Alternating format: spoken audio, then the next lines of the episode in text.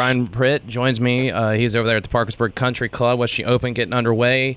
Um, let's start with the uh, the story that seems like every year David Bradshaw, who uh, continues to impress there. Uh, kind of talk about Bradshaw's day. Yeah, you know, this course is a par 73, which is a little bit unusual. In fact, it's believed to be the first time a par 73 has been used in this event, although this is the 86, so no one can be quite sure about that. But involved in that par 73 are and five of them are kind of gettable. And Bradshaw birdied each and every one of them yesterday, so added another three birdies uh, to negate a double bogey, shot seven under 66, and uh, that was good enough for a one stroke lead entering today. I know uh, a lot of the golfers, especially Bradshaw, was talking about the greens with the weather, the way it's been, the rains. I know you guys had some rain yesterday. You're going to see some rain today. Um, what does that do as far as the course? Well, you, it kind of slowed the greens down a little bit. They were really fast earlier in the week. In fact, one of the volunteers told me a little bit ago they were rolling at a 13 on the Stimpmeter, which is lightning fast. Um, he estimated it's down to about 11 and a half now, which is still fast, but not what it was. And more so than even the speeds, it's it's the softness. So when these players are hitting approach shots into greens instead of having to account for a hard green that might give them a bad kick, they can kind of just shoot the number and it'll stick pretty close to where it lands. And and that's a lot of what you saw yesterday with some of the lower scores.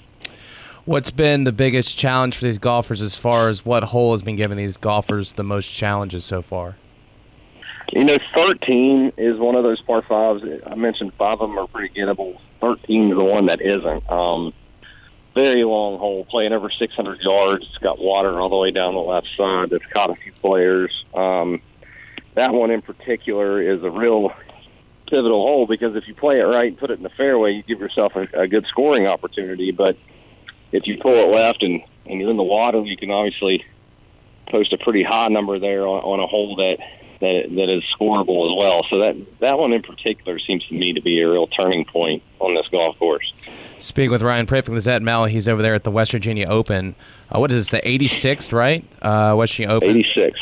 Um, Parkersburg Country Club. Uh, we talked about Bradshaw. The uh, leaders are about to tee off there. Who are some other golfers kind of nipping at the hills at Bradshaw right now? You know, Joseph Dransfeld is a kid that played at Cabell Midland and at St. Joe for a year before that. Um, was part of a team that won a state championship a few years back. He just finished his freshman season at Elon, and he posted a six under yesterday. He was one shot back. Um, you had Winston Canada, who just turned professional a couple years ago. He's a 31 year old that went to Oak Hill and to Campbell University, posted a five under. Maxwell Sear is a pretty cool story. He um, is from Canada, just completed his career at WVU, and was part of like the real first recruiting class in that program. Now, obviously, the first year or two they had a lot of transfers, and that helped. But he was a four-year player there, and in talking to a couple guys in WVGA yesterday, he this is going to be one and done for him. He's going back to Canada, and uh, probably his only showing here in the Open. And he was four under yesterday, just did a few shots back, and then.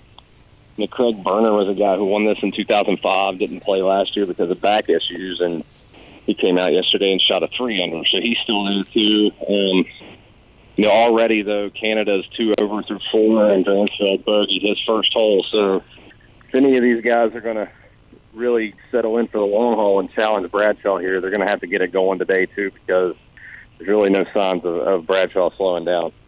Two other big names that we normally have in discussion along with Bradshaw is Davy Jude and Sam Odell. Um, you know, those guys are always contenders, you know, heading into the, the Open there. But uh, you, you said they struggled a bit um, in Wednesday's round, uh, shooting one over 74, two over 75. Of course, the uh, the cut will come at the end of today's second round, top 60, and ties advancing play in uh, Friday's final round. Kind of interesting seeing Odell and Jude struggle a little bit. Yeah, it was. You know, Sam. I talked to Sam a little bit. He said he hadn't really gotten to play much lately. He's got a couple kids and involved with uh, you know some all star baseball that he, he takes a large part in, and that's kind of taken some of his time away from the course, obviously. And the Jude might be a little bit more surprising. He's he's a guy that's that's chasing tours. I know he's played a few stops on the Latino American Tour on the PGA Tour, and um, I don't know. You know, both of those guys feed off. There's there's certainly guys to watch, even at one over and two over. You know, they put together a couple good rounds that could sneak back into into the conversation. But you know, the first two days here are so important when it comes to trying to beat Bradshaw over the last couple of years.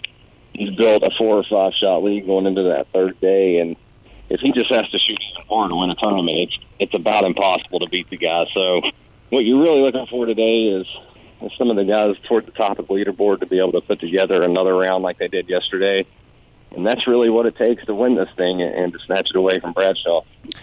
Finally, what does it mean historically if David Bradshaw does win uh, another West Virginia Open? Where does that put him as far as the history books?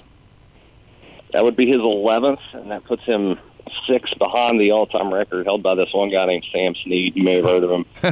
um, and you know, historically, it's been it's been a subject that Bradshaw hasn't really touched with the media. Um, you know, even still, even if he wins this week, I mean, you're still talking six more, and that's a big number. And but you know, I got him to crack a little bit when I talked to him for the preview there, and it's definitely a number he's aware of. Definitely one that that means a lot to him.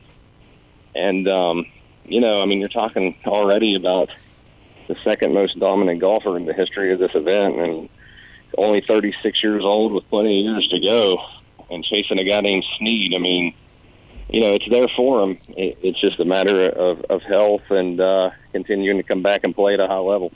Certainly follow along with Ryan during the uh, 86th West Virginia Open uh, at R Pritt. That's capital R and capital P. Two T's there on Twitter. Follow along with him throughout the rounds.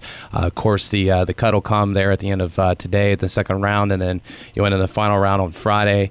Ryan, appreciate you taking the time, man. I know you're busy. Thank you giving us of all the updates and good work, my friend. Anytime. Appreciate it, bud.